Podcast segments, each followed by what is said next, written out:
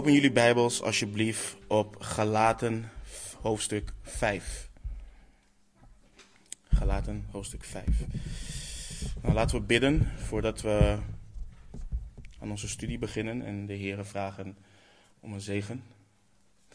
Hemelse Vader, we danken u dat we, tot u, dat we ons tot u kunnen naderen, Heer, omdat we zonder u, Heer, de schrift niet kunnen begrijpen.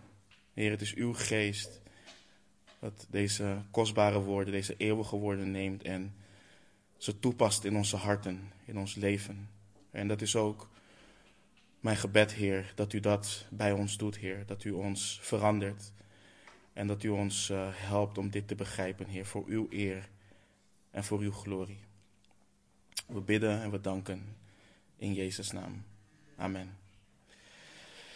Uh, we bevinden in, uh, ons inmiddels in uh, de zesde studie van onze serie Bijbelse Liefde.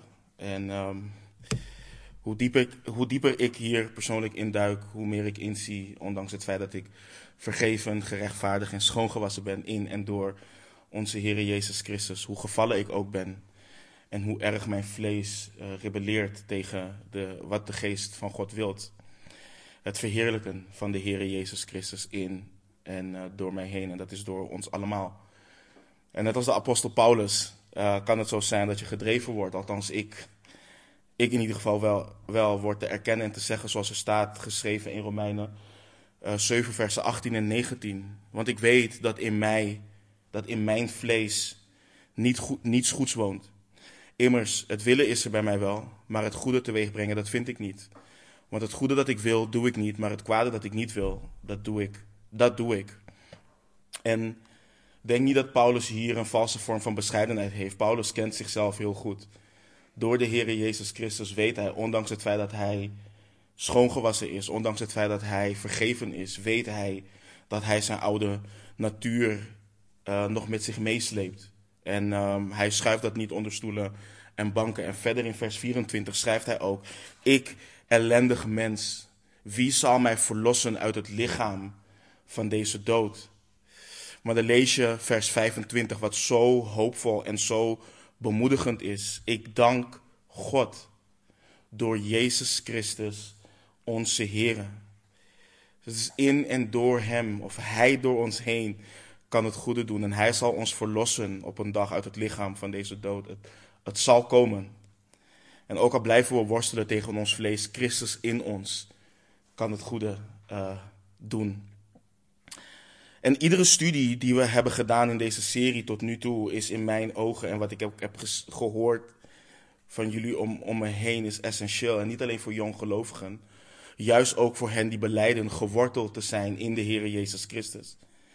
Het begrijpen wat het betekent, God is liefde. Het begrijpen hoe God zijn liefde voor ons bevestigt. Het herkennen en toegeven dat we onze eerste liefde wellicht hebben verlaten en hoe we terugkeren. Het begrijpen waarom we God moeten liefhebben. Wat het betekent om Hem lief te hebben en hoe we dat doen. En dan onze tekst van vanmorgen, Galaten 5:22. Dat is waar we ons vanmorgen in zullen bevinden. En laten we lezen. Ik heb hem ook op het scherm. Paulus schrijft, geleid door de geest van God. De vrucht van de geest is echter liefde, blijdschap, vrede, vrede, geduld, vriendelijkheid, goedheid, geloof, zachtmoedigheid, zelfbeheersing. En wat we vandaag gaan behandelen, net in het midden van onze serie, is zo essentieel. Als je goed kijkt, hebben we de eerste paar studies vooral gekeken naar onze persoonlijke relatie met God. We hebben gekeken naar wie Hij is en wat onze reactie daarop hoort te zijn, maar wat ook de kennis van Hem met ons hoort te doen. En dat gaan we, daar gaan we vandaag ook wat dieper op in. Vandaag gaan we zien wat het resultaat daarvan hoort te zijn. En hoe dat zich vervolgens ook uit naar de mensen om ons heen. Want de, de, de impact van bijbelse liefde op onszelf en de mensen om ons heen, zowel gelovigen als ongelovigen. En vooropgesteld, vers 22 van Galaten 5, daar alleen al zou je een hele serie van kunnen doen, maar omwille van de tijd en de serie waar we ons nu in bevinden, gaan we dat natuurlijk niet doen. Maar weet dat we nog veel en veel dieper kunnen gaan dan dat wat we vandaag gaan behandelen. En dat dat wat we vandaag gaan behandelen in relatie staat tot de serie die we behandelen. Maar vandaag gaan we drie vragen beantwoorden. We gaan drie punten gaan we behandelen. Eén, uh, wat is vrucht? Wat is de vrucht van de geest niet? Want dat is ook heel belangrijk om te weten, want er, wordt, er is, bestaat wel heel veel misverstand daarover. Wat is vrucht van de geest vervolgens wel? En hoe neemt vrucht van de geest toe in ons leven? Dus wat is vrucht van de geest niet? Wat is vrucht van de geest uiteindelijk wel? En hoe neemt vrucht van de geest toe in ons leven? En als we kijken naar het eerste punt, wat, wat goed is om te beseffen, het woord vrucht in het Grieks, in onze tekst, is enkelvoud. Dat is heel belangrijk om te weten. Paulus heeft het hier niet over meerdere vruchten. Hij schrijft niet dat liefde een vrucht is. Hij schrijft niet dat blijdschap een vrucht is, vrede een vrucht is en ga zo maar door. Paulus schrijft dus niet dat je kunt kiezen uit liefde, blijdschap en dat goedheid en geloof achterwege kunnen blijven. Dat is niet waar Paulus het over heeft. We bevinden ons niet op de geestelijke markt om te kiezen wat je wel en wat je niet wilt. Paulus heeft het ook niet over dat God je heel veel liefde zal geven, maar dat hij in mindere mate vrede geeft, vriendelijkheid geeft of zelfbeheersing zal geven. Het Griekse woord vrucht, karpos, is een enkelvoudig woord. Het is vrucht van de geest, niet vruchten van de geest. En waarom dat belangrijk is, gaan we zo naar kijken. Een ander belangrijk punt om bij stil te staan is dat vrucht van de geest niet hetzelfde is als gaven van de geest. Uh, veel beleidende discipelen van Jezus halen dit door elkaar. En het is belangrijk om dit niet door elkaar te halen. Hoewel beide uitdrukkingen, uitingen zijn van de geest, vallen ze niet in dezelfde categorie, zijn ze niet hetzelfde. Het volgende, kijk naar de volgende verschillen. Wat betreft de gaven, schrijft Paulus, is er een verscheidenheid van genadegaven. Maar zoals ik net al zei, hebben we het over één vrucht, over karpos. Verschillende gaven zijn een woord van wijsheid, een woord van kennis, geloof, de genadegave van genezing, de genadegave van profetie, de genadegave van talen, de genadegave van het interpreteren en uitleggen van talen. En deze lijst komen we tegen in 1 Korinthe 12. Maar in Romeinen 12 kom je ook enkele genadegaven tegen. Gaven van de geest worden aan elke gelovige gegeven met het oog op de dienstbaarheid aan de Heer. Zij het door welke bediening dan ook binnen een lokale gemeente. De geestelijke gaven zijn echter niet de manier waarop je de geestelijke, geestelijke volwassenheid, oftewel het geestelijke karakter van iemand toetst. Dat is iets wat je vaak ziet gebeuren in de charismatische beweging. Vaak word je in die kring getoetst op het feit of je wel of niet in talen spreekt. Of je wel of niet profeteert. Of je wel of niet visioenen krijgt, etc. En dat is dus niet hoe je het karakter, het geestelijke karakter, de volwassenheid van iemand toetst. We hebben het bijvoorbeeld ook gezien in 1 Timotheus 3, wanneer uh, Paulus het heeft over de, uh, het karakter van een opziener. Er is maar één vaardigheid en dat is onderwijzen. Maar voor de rest heeft Paulus het alleen maar over karakter. Dus je toetst iemand niet of hij een goede leider is of een goede, uh, goede opziener aan het feit dat hij alleen de Bijbel onderwijst. Nee, je toetst hen aan hun karakter, aan hun geestelijk karakter, aan vrucht van de geest. Niet aan de gaven van de geest. In zijn brief aan de Corinthiërs schrijft Paulus ook dat niet iedereen dezelfde geestelijke gaven krijgt en dat de geest aan ieder afzonderlijk uitdeelt zoals hij dat wil. Dus net zoals we allemaal geboren worden met natuurlijke talenten en we ze niet voor het uitkiezen hebben, zo hebben wij de geestelijke gaven ook niet voor het uitkiezen. Dus wat je in veel gemeenten ziet gebeuren, dat men je gaat leren bidden in talen. Dat men je gaat leren profeteren. Dat men je gaat leren genezen. Dat is allemaal dwaalleer. Het is niet van de geest. Het is het werk van het vlees. Het is het werk van de Satan. Want de geest deelt de gaven uit zoals hij dat wilt. En niet iedereen krijgt dezelfde gaven. als iets een gave is, dan kan ik het niet leren. Ik moet het ontvangen. Dat is wat de geest doet. Hij geeft de gave van de geest.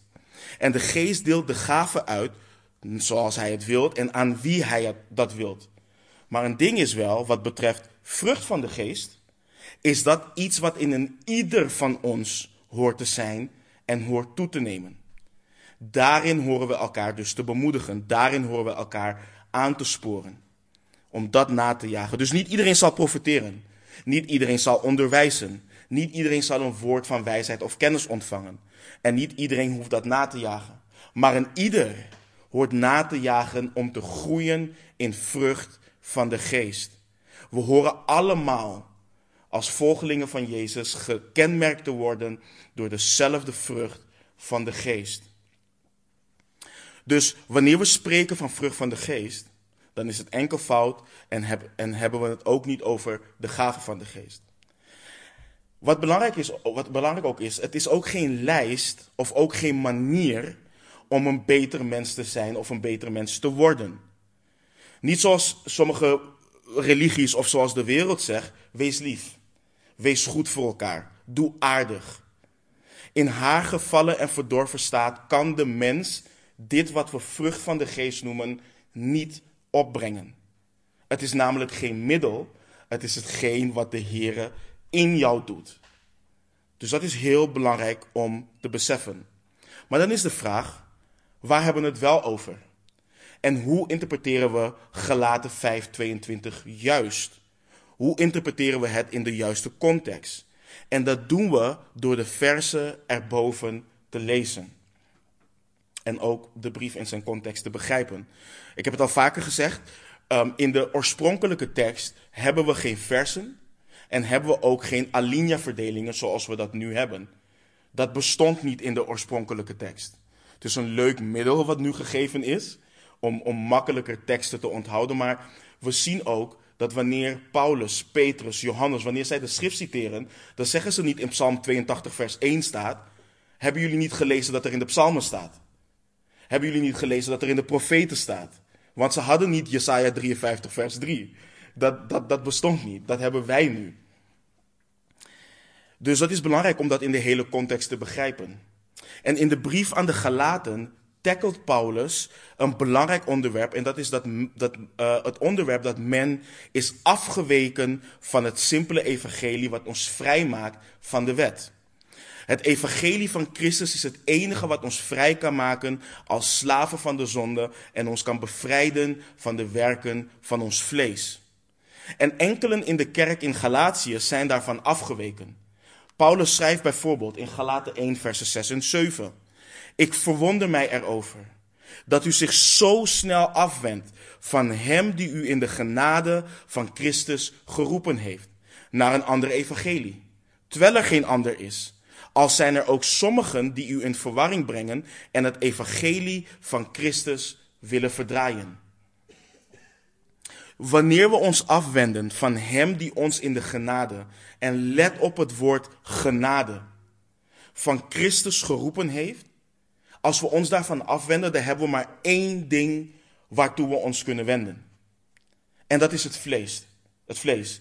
Je leeft of in en door de geest van God, of je bent dood in je overtredingen en zonden en wordt geregeerd door je vlees. Er bestaat niet zoiets als een vleeselijke christen. Het bestaat niet. Wie je dat ook heeft verteld, het bestaat niet. Ja, we kunnen vervallen in zonde. Dat kan. Maar het bestaat niet dat een beleidende volgeling van Jezus geregeerd en geleid wordt door zijn of haar vlees. Dat bestaat niet. Dus je leeft in of in en door de geest, of je bent dood in je overtredingen en zonden en wordt geregeerd door je vlees. En Paulus heeft in Romeinen 8 veel te schrijven over het vlees. In Romeinen 8 vanaf vers 5. Daar schrijft hij, immers, en dat is wat ik net zei. Zij die naar het vlees zijn, bedenken de dingen van het vlees. Maar zij die naar de geest zijn, de dingen van de geest. Dus het is niet dat je in het vlees bent en denkt je kunt de dingen van de geest bedenken. Nogmaals, er bestaat niet zoiets als een vleeselijke christen.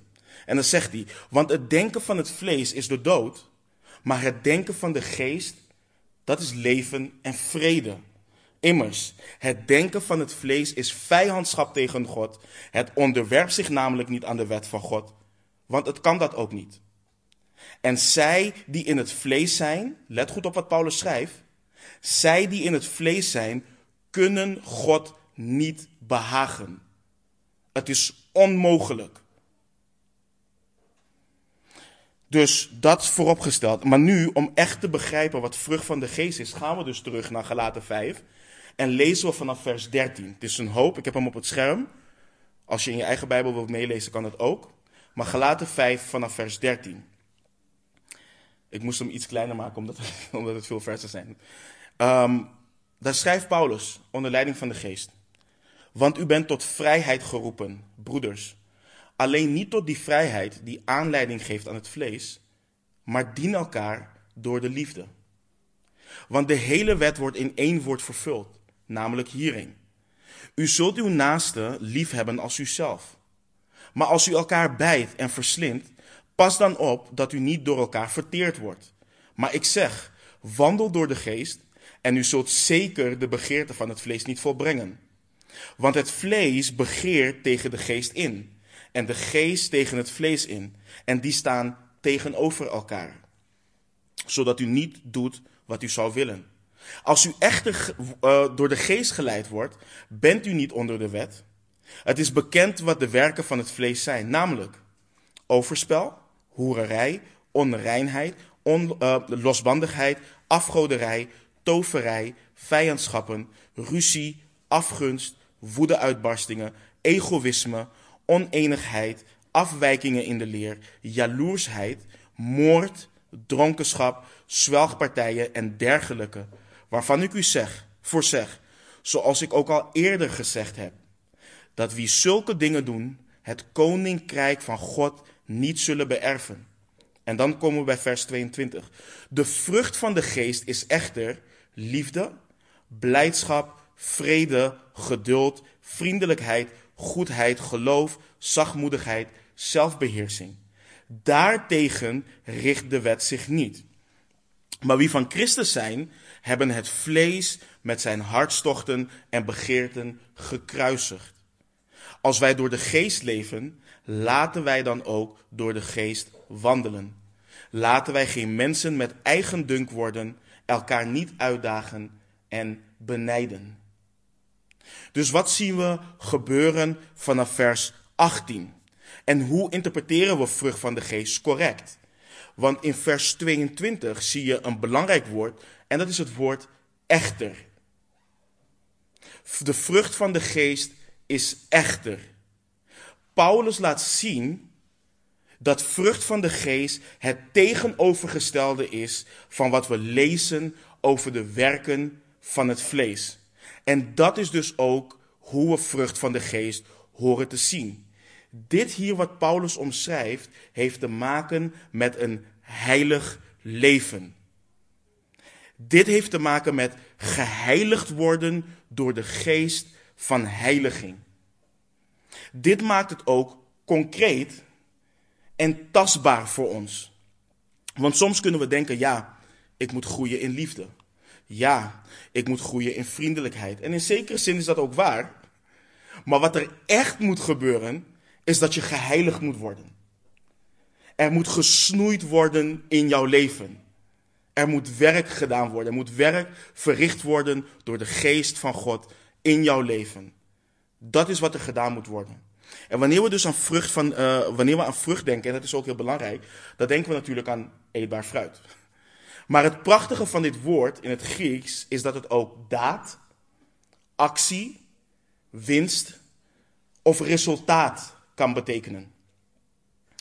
En als je het daar vanuit bekijkt, vanuit de Griekse vertaling, kun je het als volgt zien.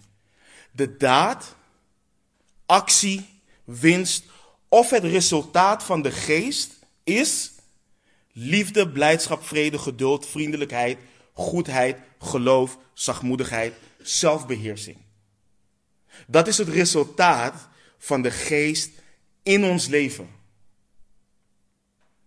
En kijk weer naar vers 23 van Galaten 5. Daartegen richt de wet zich niet. Dus het is essentieel om te begrijpen waar dit echt om draait. Dit gaat niet om aardig doen om aardig te zijn. Dit gaat niet om liefdevol zijn om maar liefdevol te zijn. En vooral vanuit onze eigen definitie van liefdevol. Dit gaat om het leven van een heilig leven. In tegenstelling tot het leven van het vlees, waarvan Paulus schrijft dat wie zulke dingen doen, het koninkrijk van God niet zullen beërven.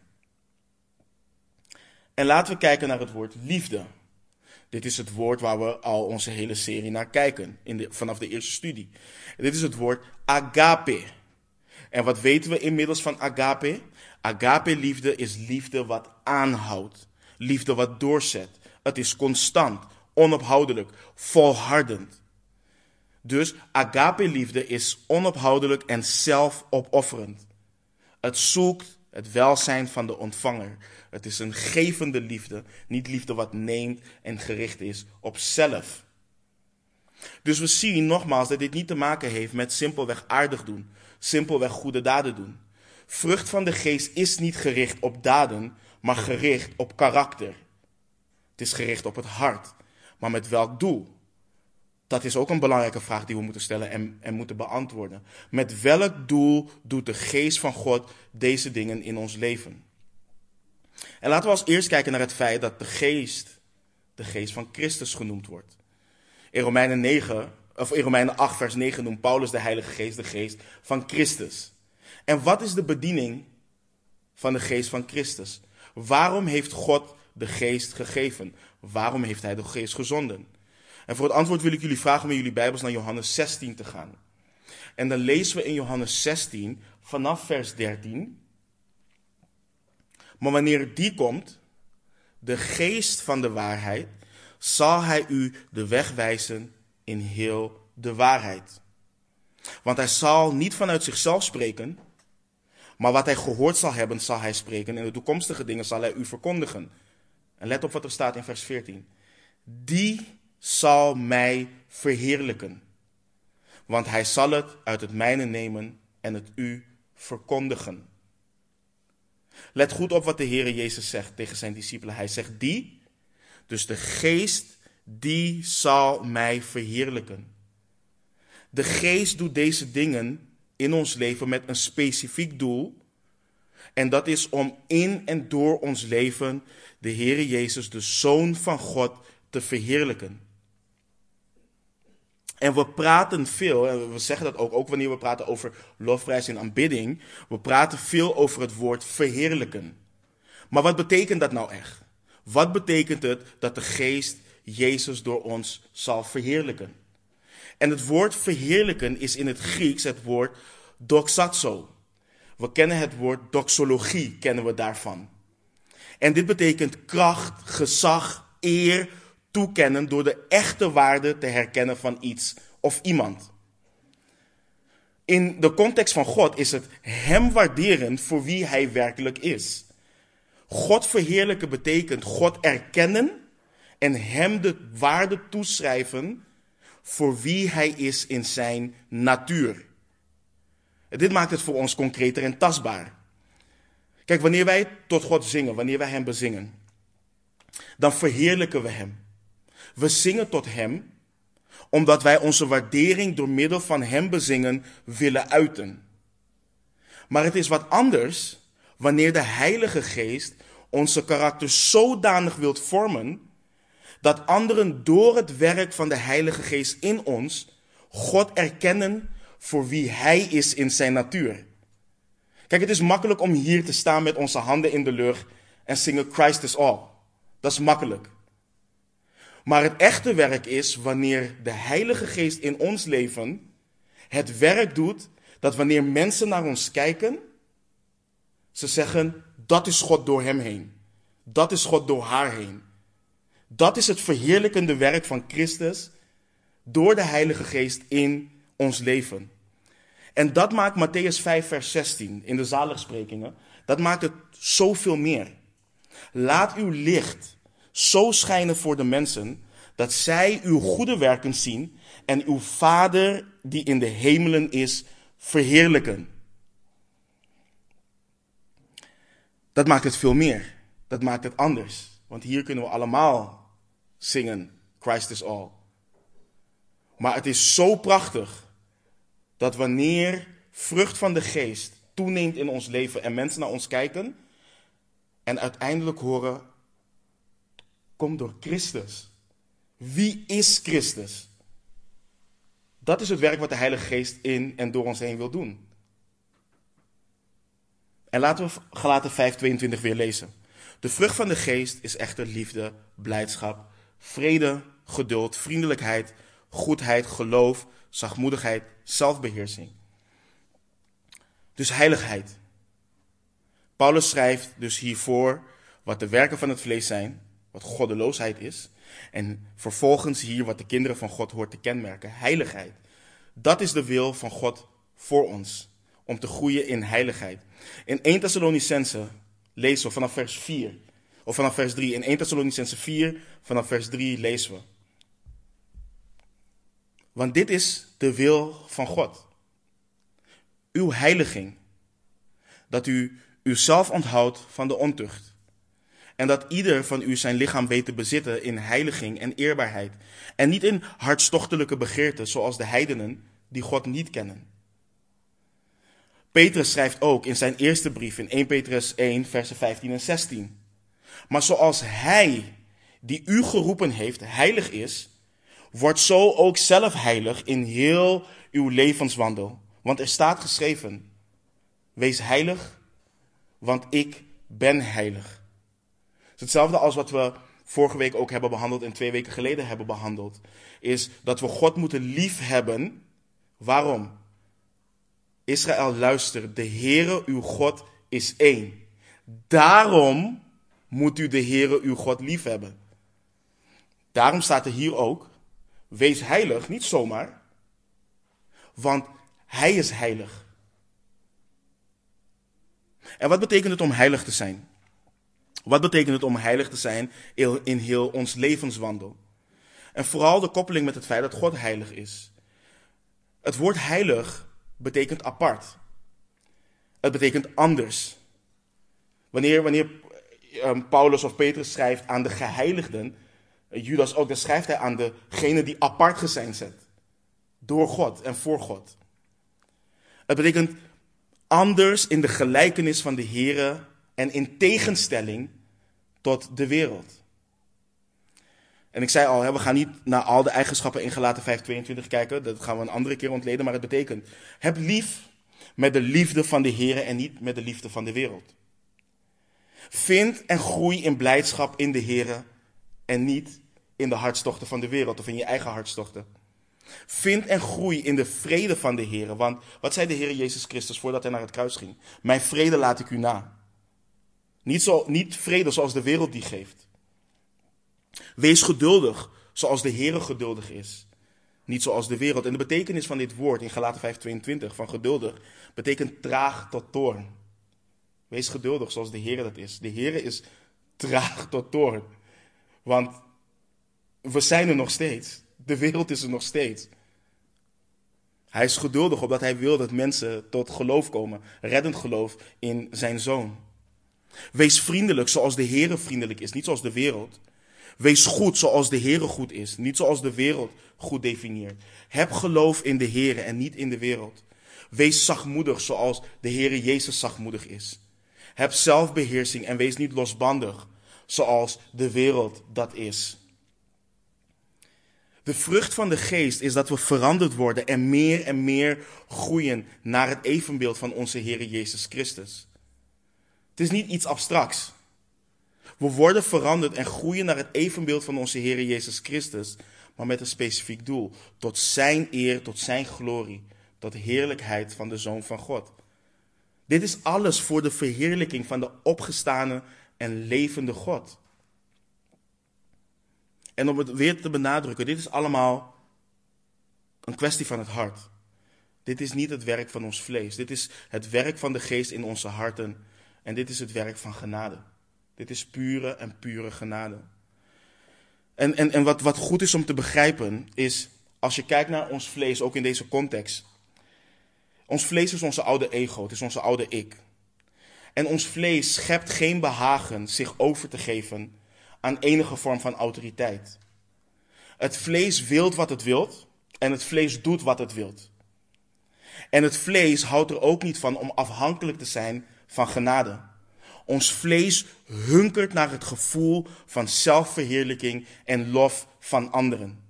Dat is waarom mensen die naar het vlees leven zich vastklampen aan de wet. Daarom klampen ze zich vast aan hun eigen gemaakte regels. Want je houden aan je eigen regels is gemakkelijk en zorgt ervoor dat je jezelf kunt verheerlijken en glorie kunt toeschrijven aan jezelf. Maar genade, zoals Paulus in Efeze 2 schrijft, zorgt ervoor dat je nergens anders in kan roemen, behalve Jezus Christus. En dus een simpel voorbeeld. Want het is een voorbeeld wat ook vaak. Het is geen vrucht van de geest. Wanneer je bijvoorbeeld in een huwelijk of als ouder ehm, je mateloos irriteert aan je kind of aan je partner. En je één keer met alle tegenzin je niet hebt gedragen zoals je je normaal altijd gedraagt wanneer je je irriteert. En dan roemt, ja maar, ik heb me niet gedragen zoals ik me altijd gedraag. Ik heb met liefde of met geduld gehandeld. Dat is geen vrucht van de geest. Dat zijn de werken van je vlees. Wanneer je roemt in wat je, hebt, wat je goed hebt gedaan, richting wie dan ook, dan is het werk van je vlees. Want al het goede wat we doen, komt van Christus. Het komt van de Heilige Geest. En we kunnen daar dus niet in roemen. Want als je 1 Korinthe 13 bijvoorbeeld leest, dan weet je wat echte liefde is. En dat hoort dus ook tot uiting te komen in de relatie met je partner, je kind, broeder en zuster en je ongelovige naaste. Dus het gaat niet om je gedrag, het gaat om je hart. Je leest in de schrift hoe geduldig de Heere Jezus is, hoe zachtmoedig Hij is, hoe vriendelijk Hij is. En dat komt niet vanuit zijn vlees, dat komt vanuit zijn natuur. Dat is zijn hart. Hij gedroeg zich niet liefdevol. Jezus is liefde. Hij is liefdevol. Hij gedroeg zich niet geduldig. Hij is geduldig. En dat is het grote verschil. Dat is wat hem kenmerkt. En wij als volgelingen van Jezus moeten onze ogen gericht houden op het volgende. God wil dat wij wandelen zoals zijn zoon gewandeld heeft.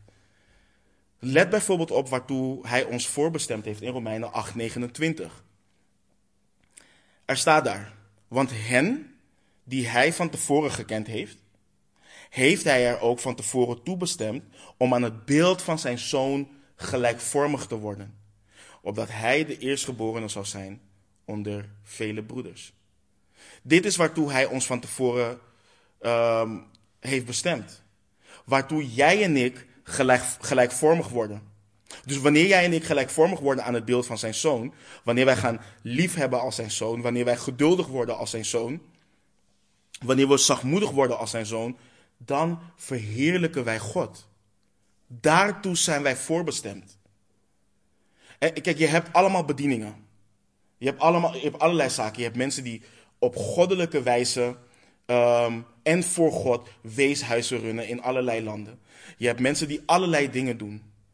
Eh, de, bediening die ik ook bijvoorbeeld doe. Maar ik ben niet hiertoe voorbestemd.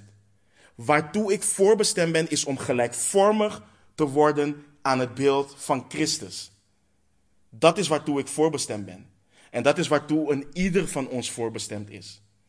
Je bediening is niet het doel. Het doel is om op Christus te gaan lijken en om Hem daarin te verheerlijken. Dat betekent het om als Zijn beelddragers te leven. Daarvoor zijn we gemaakt. Het vrucht van de geest is dat Jezus Christus, de Zoon van God, meer en meer gestalte in ons krijgt en zichtbaar wordt door ons heen. Het is wat Paulus schrijft in Galaten 2, vers 20. Ik ben met Christus, ik ben met Christus gekruisigd en niet meer ik leef, maar Christus leeft in mij. En voor zover ik nu in het vlees leef, leef ik door het geloof in de Zoon van God, die mij heeft liefgehad en zichzelf voor mij heeft overgegeven. Dit is hoe de kracht van het evangelie zichtbaar wordt in ons leven richting de mensen om ons heen. De veranderende en heiligende kracht van het evangelie. En weet je, voor de getrouwde mensen onder ons, de ouders onder ons, eigenlijk ons allemaal. Dit is echt een belangrijke waarschuwing. Wanneer mensen die dicht bij ons staan, ehm, en wij langer beleiden te wandelen met Jezus Christus, het uit de weg gaan om ons te corrigeren, om iets te doen of, om, om ons iets te zeggen en de zin uit hun mond komt. Ik betrek het nu op mij. Je weet hoe Giovanni is. Je weet hoe Giovanni kan zijn. Je weet hoe Giovanni kan worden. Dan dragen we geen vrucht. Dan dragen we echt geen vrucht.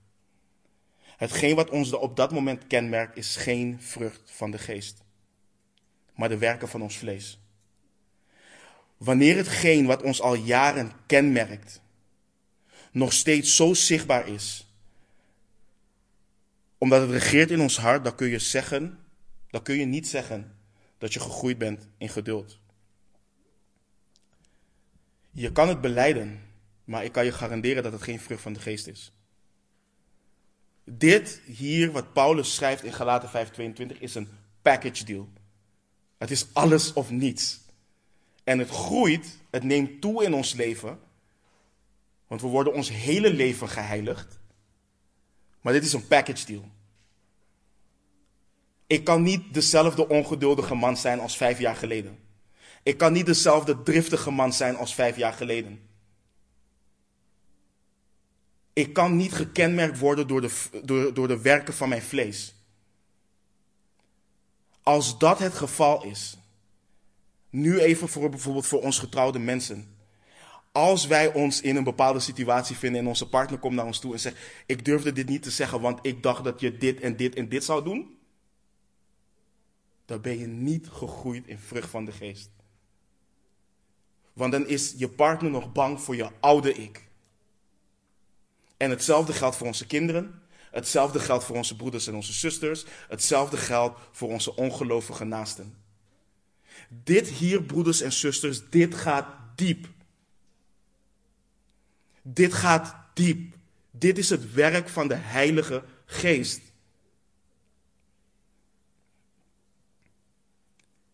Wanneer God je heiligt, dan ga je meer en meer op Jezus lijken. Het is, want dit ook vooropgesteld, het is onmogelijk om te groeien in geduld en om een gebrek aan liefde te hebben.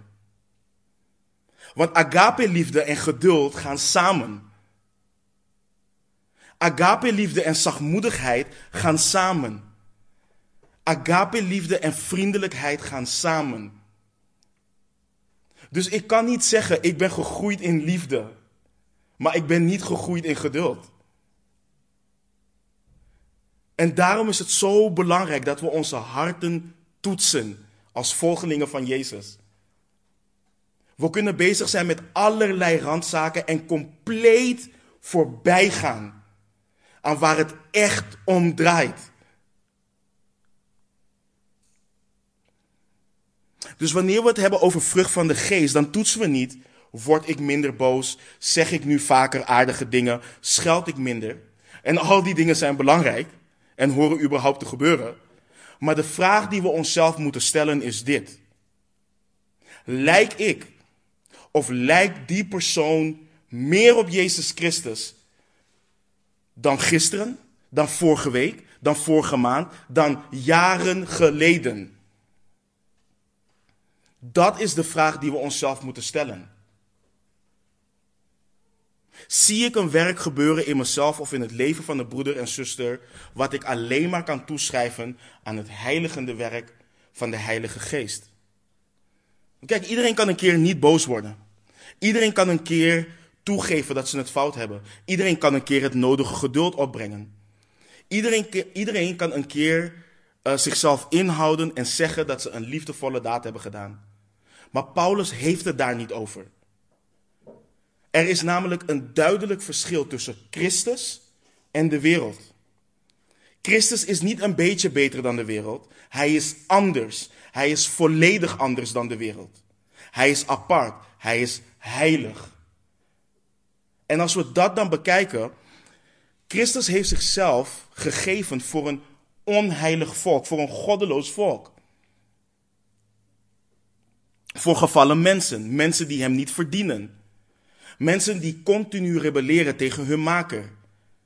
Mensen die zich niet alleen schuldig maken, maar waarvan hun harten geregeerd wordt door overspel, hoererij, onreinheid, losbandigheid, afgoderij, toverij, vijandschappen, ruzie, afgunst, woedeuitbarstingen, egoïsme, oneenigheid, afwijkingen in de leer, jaloersheid, moord, dronkenschap, zwelgpartijen en dergelijke. Kijk om je heen en je ziet dat de wereld hierdoor gekenmerkt wordt. Maar we kunnen makkelijk naar de wereld kijken en zeggen: de wereld wordt daardoor gekenmerkt. Waardoor word ik, waardoor word jij gekenmerkt? Dat is de vraag die we onszelf moeten stellen. En dit waren wij allemaal. Maar als het goed is, zijn we schoongewassen. Zijn we geheiligd, gerechtvaardigd in de naam van de Heer Jezus Christus en door de geest van onze God. En nu horen we dus niet meer gekenmerkt te worden door de werken van ons vlees, wat we geërfd hebben door onze vader, van onze vader Adam. We horen niet gekenmerkt te worden door ons oude ego, ons oude karakter. En als dat wel gebeurt, dan laat het duidelijk zien dat we geen vrucht van de geest dragen. Kijk, dat, dat ding, en ik hoor het vaker binnen beleidende kringen, of binnen kringen, binnen het christendom. Ik ben gewoon zo. Dat bestaat niet. Dat bestaat gewoon echt niet. Je bent van Christus. Als je van Christus bent, dan ben jij gestorven. Dan is je oude ik gekruisigd met Christus. En dan is de vraag die we onszelf echt moeten stellen: heb ik geen vrees voor God? Dat ik zo makkelijk kan zeggen: ik ben gewoon zo. Dit is gewoon wie ik ben. En dit is hoe ik blijf. Kunnen we werkelijk dan zeggen: ik heb God lief, ik volg Hem na. Ik draag vrucht voor de glorie van God. Dit hoort niet zo te zijn, broeders en zusters. Want we zijn namelijk niet langer meer kinderen van Adam. We hebben een nieuwe vader. We behoren tot een nieuw huishouden. We zijn geadopteerd. We zijn vrijgemaakt en kunnen op onze hemelse vader gaan lijken. En door hem gevormd worden naar het evenbeeld van zijn zoon, die de afstraling is van hem, waarin heel de volheid van God woont. Ik wil dat. Volgens mij willen jullie dat ook allemaal. Want willen wij, hoe vaak vragen wij niet? O Heer, gebruik mij voor uw glorie. Wat kan ik voor u doen? En dan denken we allemaal aan een vliegtuig pakken, naar Timbuktu gaan en naar een of ander onbekend volk het evangelie verkondigen. Maar wandelen we heilig onder hen die om ons heen zijn? Laten we Christus daarin zien. Oh, dat is groot werk. Dat is verheerlijkend werk voor onze God.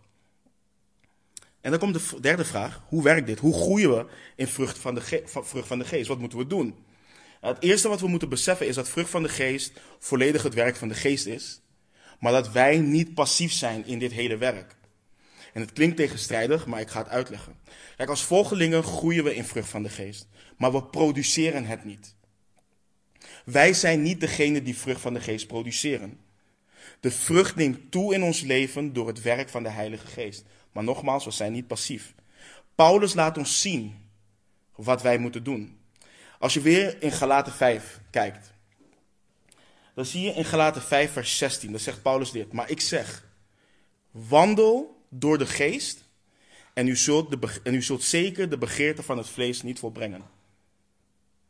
Let nu op vers 18, iets verderop.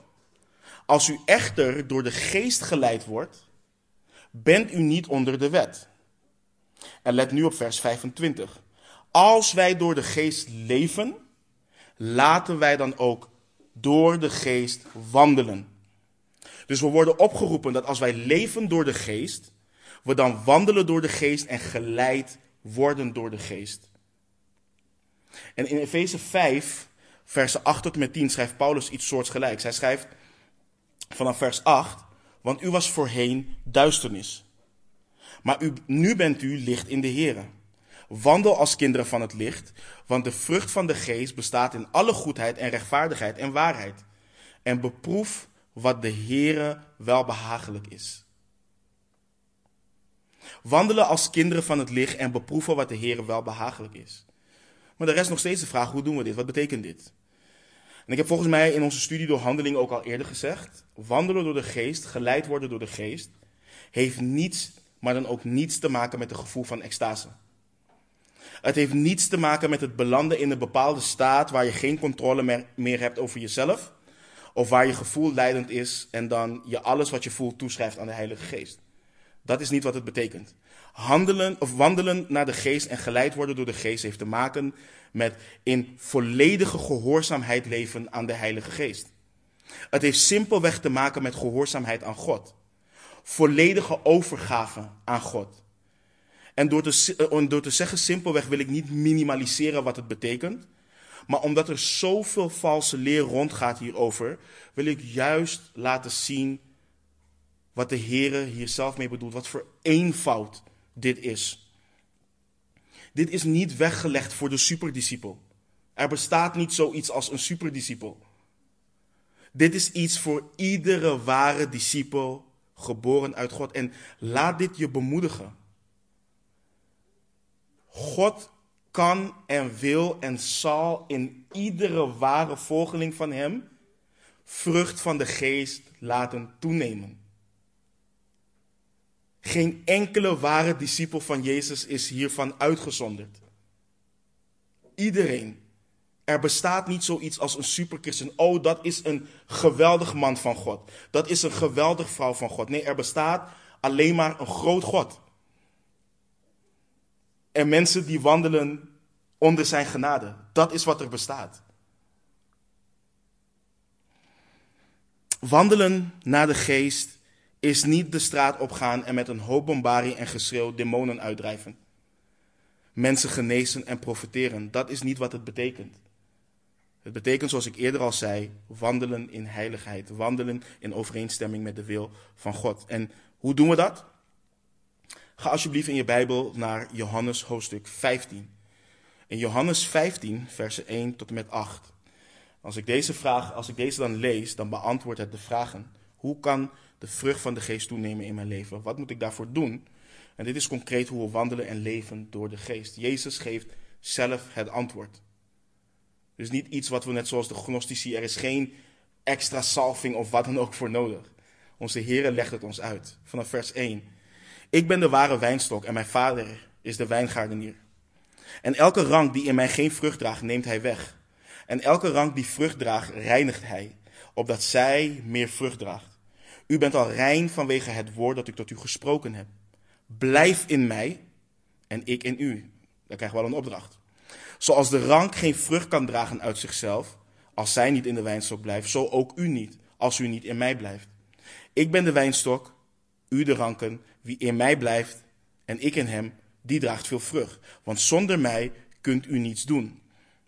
Als iemand niet in mij blijft, wordt hij buiten geworpen zoals de rank en verdord en men verzamelt ze en werpt ze in het vuur en zij worden verbrand. Als u in mij blijft en mijn woorden in u blijven, vraag wat u maar wilt en het zal u ten deel vallen. Hierin wordt mijn Vader verheerlijkt, dat u veel vrucht draagt en mijn discipelen bent. Dus let op een aantal zaken. De Heere Jezus is de ware wijnstok. En dit zegt hij in relatie tot hoe Israël in het Oude Testament als de wijnstok van de Heere wordt aangeduid. Maar ze hebben gefaald in het dragen van vrucht. De Heere Jezus zegt, Hij is de ware wijnstok. Hij is de ware vervulling van al wat geprofiteerd hierover is. Maar je ziet hier ook wat belangrijks. De Vader is bezig met de ranken die in de ware wijnstok zijn. We hebben gemeenschap met de Vader alleen door de ware wijnstok. En het is dus ook goed om te beseffen, de Heer Jezus heeft het hier over heiliging. Hij heeft het hier niet zozeer over zaligmaking. Hij zegt ook in vers 3, u bent al rein vanwege het woord dat ik tot u gesproken heb. Hij heeft het hier over heiliging. En de vader is de wijngaardenier. En dit laat de intieme wijze, dit is ook heel bijzonder en heel goed om te beseffen. Dit laat de intieme wijze zien waarop de vader betrokken is in het leven van zijn kinderen. Hij is betrokken in jouw leven. Zoals een boer voor zijn wijnstokken zorgt, zo zorgt de Heer, onze hemelse Vader, voor ons in ons leven. Hij gebruikt alle middelen om, om ons als zijn ranken te versterken, zodat wij, zodat wij zijn wil verder kunnen uitvoeren. Hij is een liefdevolle vader, maar hij vermaant ook. Alles wat hij doet, en dat is belangrijk, alles wat hij doet, doet hij zodat het goed gaat met zijn kinderen voor ons eigen bestwil en voor zijn eigen glorie. We kunnen en moeten hem daarin dus ook vertrouwen. Als de Heer wil dat we iets afleggen, wanneer hij spreekt door zijn woord of door de broeders en de zusters, dan moeten we ook weten dat hij dit doet omdat hij van ons houdt. En omdat wanneer we dat afleggen en we vrucht gaan dragen, dat het is voor zijn glorie. Dus we kunnen hem vertrouwen daarin. Maar let eens ook op wat de Heer zegt. Elke rang die vrucht draagt, reinigt de Vader, opdat zij meer vrucht draagt. Dus let op dat zelfs de volgelingen van Jezus die al vrucht dragen, dat ook zij gereinigd moeten worden. Ook zij moeten gesnoeid worden. Het reinigen, het heiligen is iets wat, wat ik net al zei, het gaat ons hele leven door. Continu blijft de Heere God snoeien in ons leven. Er komt dus geen punt waarin we zeggen, ik ben er. Zoals Paulus aan het einde van zijn leven schreef, ik denk niet dat ik het gegrepen heb. En ik laat alles wat achter is, laat ik achter mij, om na te jagen wat voor is. De werk, dus ehm, hij blijft ons continu snoeien. De dingen van de wereld die we ons leven laten insluipen. De werken van het vlees waar we wellicht aan toegeven. Voor al die dingen moeten we continu gereinigd worden. En let op hetgeen wat ons reinigt. Vers 3. U bent al rein vanwege het woord dat ik tot u gesproken heb. En dit komt overeen met wat de Heer Jezus bidt in Johannes 17, 17. Heilig hen door uw waarheid. Uw woord is de waarheid. Het, het, wordt, ja, we herhalen het veel over het belang van Bijbelstudie, van Gods woord en noem maar op. Maar we moeten dat blijven doen. Weet je, en kijk, door Gods genade kan ik persoonlijk veel gedragen. Door Gods genade groei ik in begrip voor anderen hun geestelijke noden en wensen.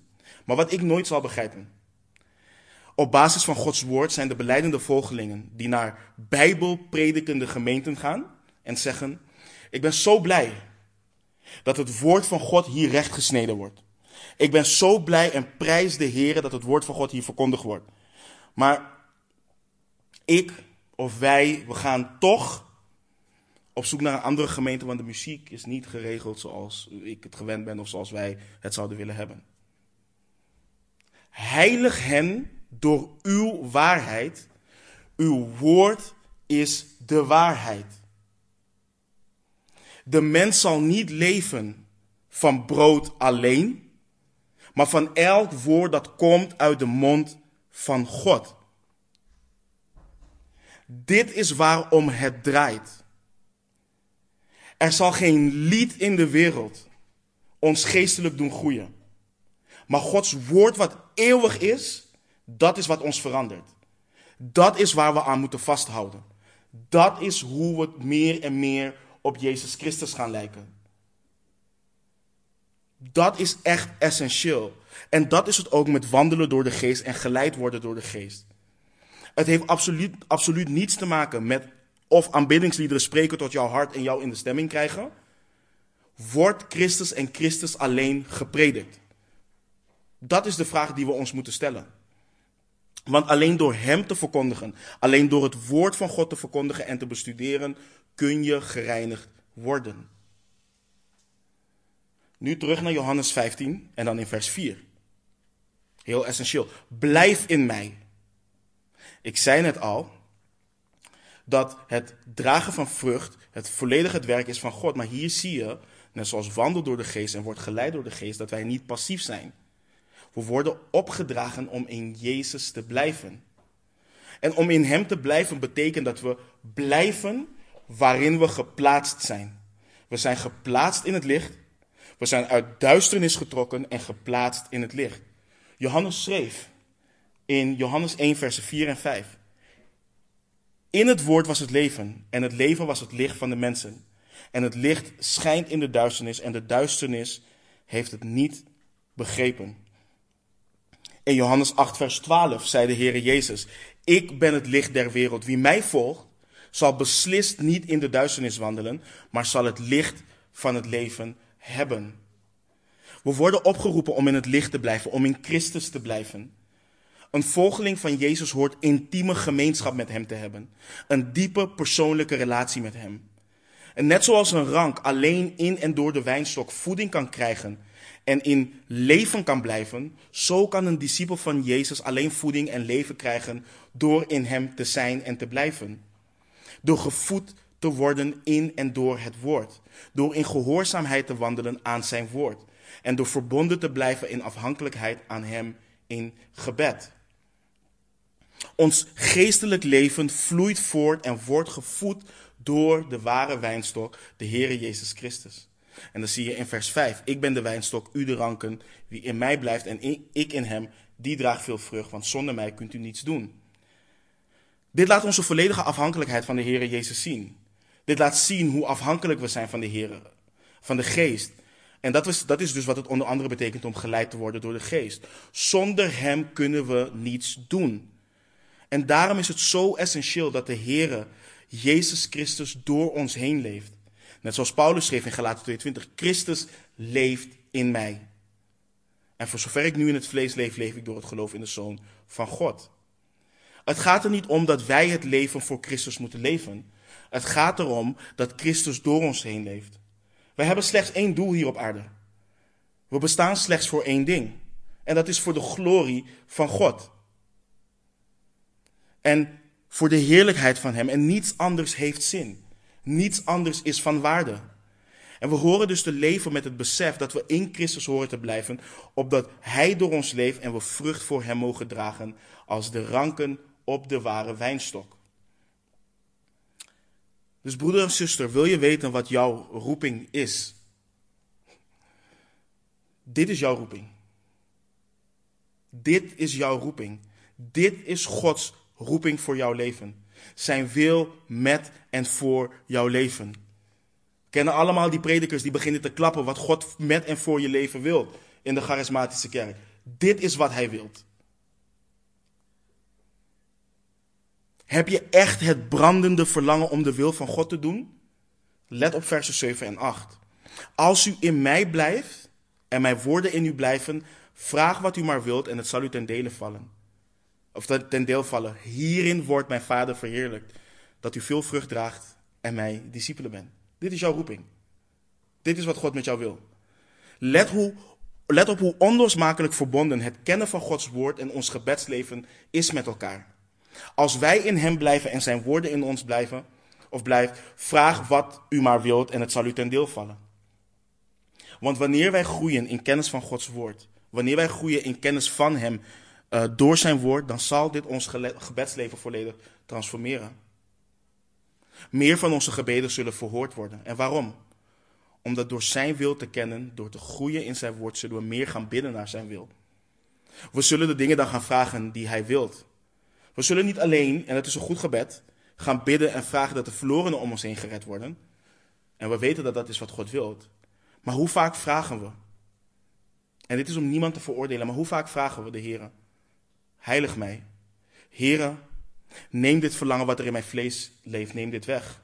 Heren, leer mij om mijn vrouw lief te hebben zoals u de gemeente lief gehad hebt en u zelf voor haar hebt overgegeven.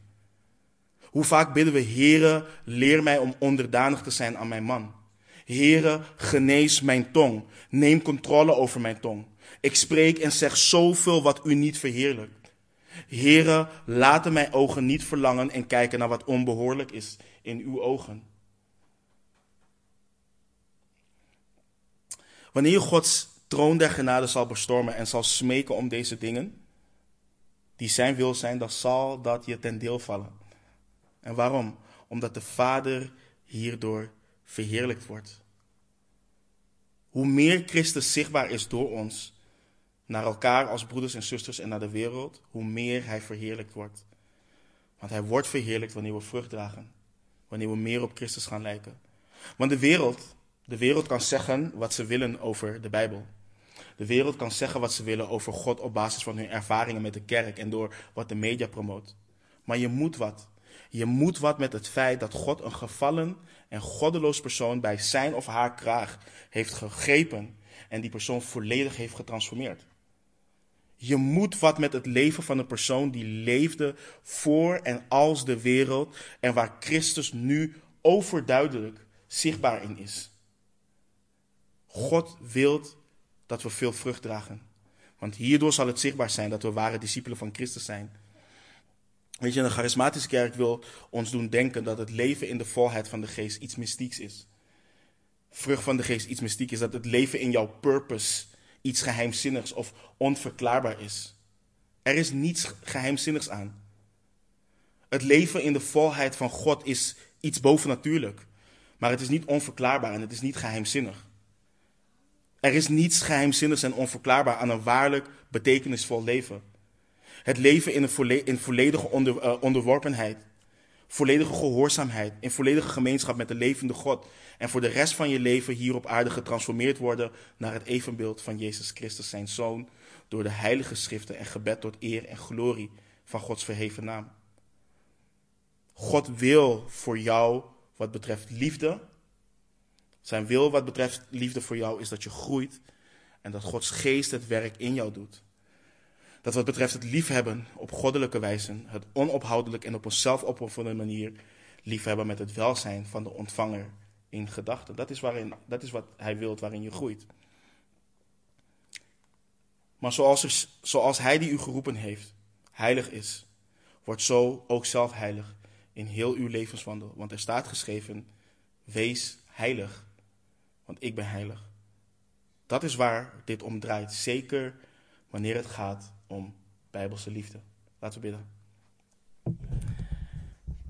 Almachtige God, we zijn u zo dankbaar, Heer, en we komen in nederigheid tot u.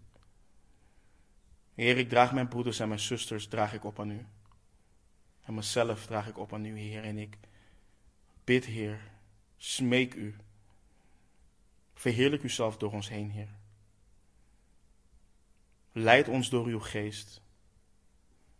Leer ons te wandelen door uw geest. Rust, ons toe, Heer. Opdat we vrucht mogen dragen voor uw glorie. Heilig ons alstublieft, Vader. Heilig ons door uw waarheid. Uw woord is de waarheid. We danken u. En we kunnen alleen amen zeggen in de naam van Jezus, omdat we weten dat u bij machten bent. En dat u Heer en Meester bent over alles. In Jezus' naam. Amen.